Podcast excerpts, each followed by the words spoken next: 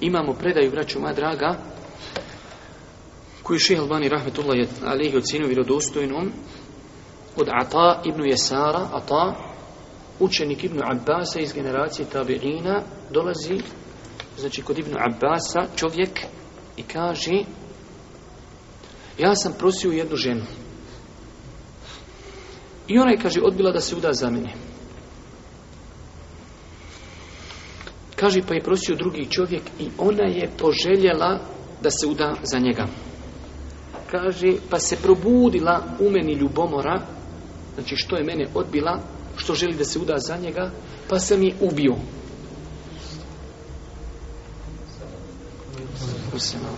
Pa sam je, kaže, ubio zbog toga.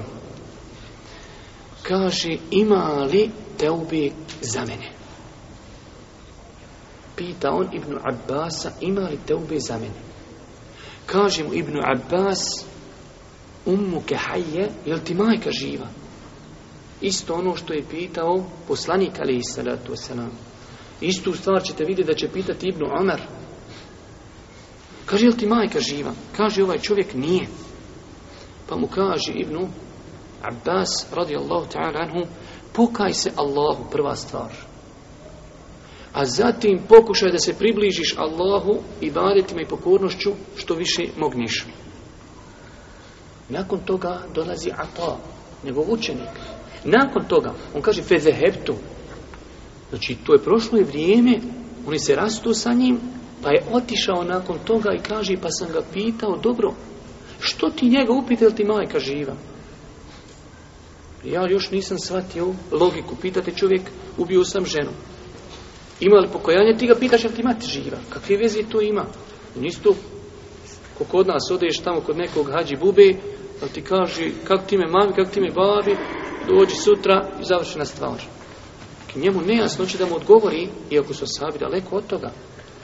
Pa mu kaže Ibn Abbas radijallahu ta'ala anhu, ja kaže ne znam bolje djelo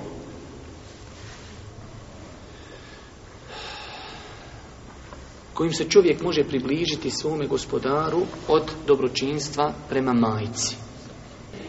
Kaže Ibnu Abbas. A ko je bio Ibnu Abbas? Jeste vidjeli ko je bio Ibnu Abbas? Čovjek koji je bio u šuri kod Omera. Čovjek koji je Boži poslanik dovio za njega da ga Allah tela podući propisima vjeri, da ga poduči tumačenju Kur'ana. Kaže on, inni la Ja ne znam djelo, ja ne znam djelo kojim se čovjek može Allahu više primakijeti i približiti od dobročinstva prema majici. On ne kaže ne postoji djelo. Toliko učen, toliki hadise zna, živio sa Allahovim poslanikom i opet ne kaže ja ne znam, ovako je. On kaže ja ne znam. Gdje je nama ta preciznost u govoru i gdje nam je ta bogobojaznost? Gdje nam je tolerancija? Ovako je, nikako drugačije.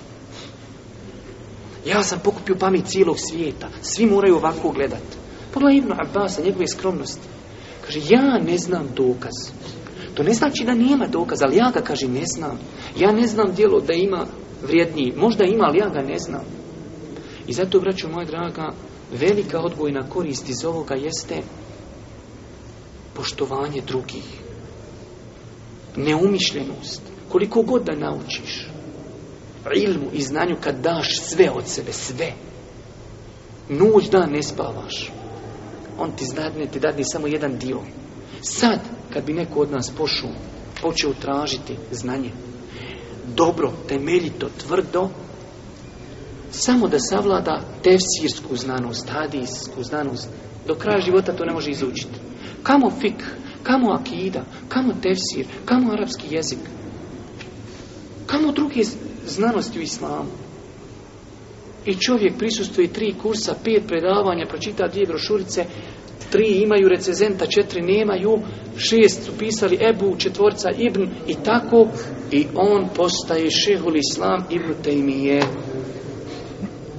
Sve zna. Dešava nam se druga stvar. Naučimo određene stvari iz i prakticiramo u redu. Zato ja dosta puta kroz predavanja ljudima govorim o mezebima i razilaženjima. Mi nekad nismo svjesni da nas naš ših naučio da određena stvar ima podlogu u sunetu rijedu, ali ne znaš da možda četiri mezeba stoji nasuprot tog mišljenja. I ti sutra vidiš čovjeka ne praktikuje ono što ti praktikuješ i ti mu reagiraš, a ne znaš da ima jako podlogu za tim. Ja ću vam očite hoćete primjera. Možda će se neko iznenati, ja sam stava to ne znači sad da neko prozivam, tako mi Allah. Ja sam stava da ne treba čovjek da nosi odjeću ispod članaka. Boži poslanik je to zabranio. Ali većina u Leme smatra da je to dozvoljeno, da je samo pokuđeno nositi odjeću ispod članaka. Ali mi u određenom momentu čovjeka samo gledamo kroz prizmu nogavica. Ne znajući da većina u Leme to ne smatra spornim. Ili koliko hoćete drugih primjera. Čovjek ti dođe i pita, kaže, nosim ti žena nikav. Kaže, ti nosi. Kaže, u redu, možeš mi doći na sjelo. Ako ne nosi, nije ja ti ništa. Pa čekaj, če, koja je to škola? Koji je to mjesec? Ne nam to ti kaže. Ima, da. Ulemi koja kaže da je to obaveza. Ali većina ulemi tri mjeseca, kaže da je to samo sunnet. I mnoge druge stvari. Znači, moramo se naučiti tolerisati druge ljude. Ne samo da uzmiš jednu stvar i gotovo pokupi pamet cijelog svijeta.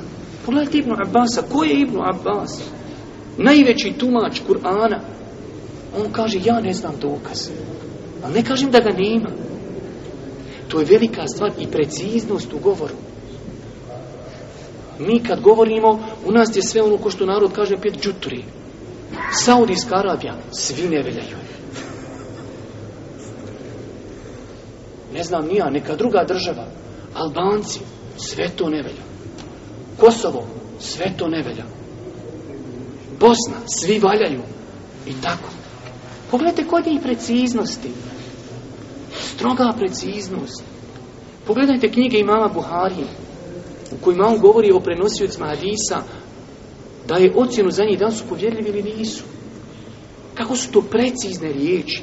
Zato imam Buharija kaže za sebe, nadam se, da ću doći pred Allaha da nisam nikogu govorio. A napisuje tomove knjiga u kojima je govorio, ocjenjivao ljude, da li su vjerodostojni ili nisu. Ali dođe čovjek koji kaže, fihi nevar. Kaže, o njemu se može raspravljati. Ništa. To će za imam kad rekli Buhari rekne o njemu se ima raspravljati, gotovo, x. Ništa nije leko loše o njemu. Kaže, o njemu se ima raspravljati samo. Gotovo. Ništa znači, ili u drugim, pogledajte imama Zehebija, ima veliku knjigu Sir el Alam en Nubela, knjiga u 25 tomu, 24 toma se štampa. To su samo biografije učenjaka. I kaže, bio je učen, bio pobožan, bio ovakav, bio onakav i na kraju kaže, ali je bio Rafidija. Nas Rafidija. U džehennem odmah ga zaključi ga i završena stvar. Nema tu kako, ne može nikako uspjeti. Ne smiješ nikako spomenuti, razumiješ? Ili kaže, bio je takav, takav, takav, takav, takav, sve postim. Ali kaže, bio vođa Murđija u svome vremenu. Kod nas ako si Murđija, i ako nisi, jesi Murđija. Prvo ako nisi, jesi. To je prvo. Ali ako nisi, znači prvo ako nisi, jesi. Ali ne do Bog da jesi. Ti si u džehennemu, nema teorije da izađeš iz njega, nikako. Džeta ima vebi, koji je učenik Šihul Islam ibn Tejmije kojeg je naučio šehu Islam Ibn Tejmije kako se živi, na kojeg se mi pozivamo svakim danom šehu Islam Ibn Tejmije, Ibn Tejmije, Ibn je nešto naučio Ibn Či znači, budi musi, budi, odgovoran kad govoriš, spomeni čovjekove pozitivnosti, ali kaži imao i negativnost svoju. Kod nas je, zato kažem, crno-bijeli TV, još mi ne pratimo tehnologiju. U nas je crni ili si bijel. U nas nema nikako sredina što je, braćo moja draga, problem. Od nas čovjek, šta ja znam, vidimo čovjeka tamo negdje, možda za i drinu ili šta ja znam, gotovo x. Možda čovjek klanja noćni namaz, možda čovjek plaći od straha prema Allahu. Možda čovjek podijelio para koliko ti nisi nikad ni vidio, Kamo da si podijelio. Možda je čovjek od Allaha teži od Bog zna koliko ljudi. Ali eto Allah ga iskušao da ima mahanu. Određenu koju ne može sakriti pred ljudima. Znači ne može, vraću moja draga, da ljude vrednujemo samo po jednom njihovom dijelu života. I to nije pravednost.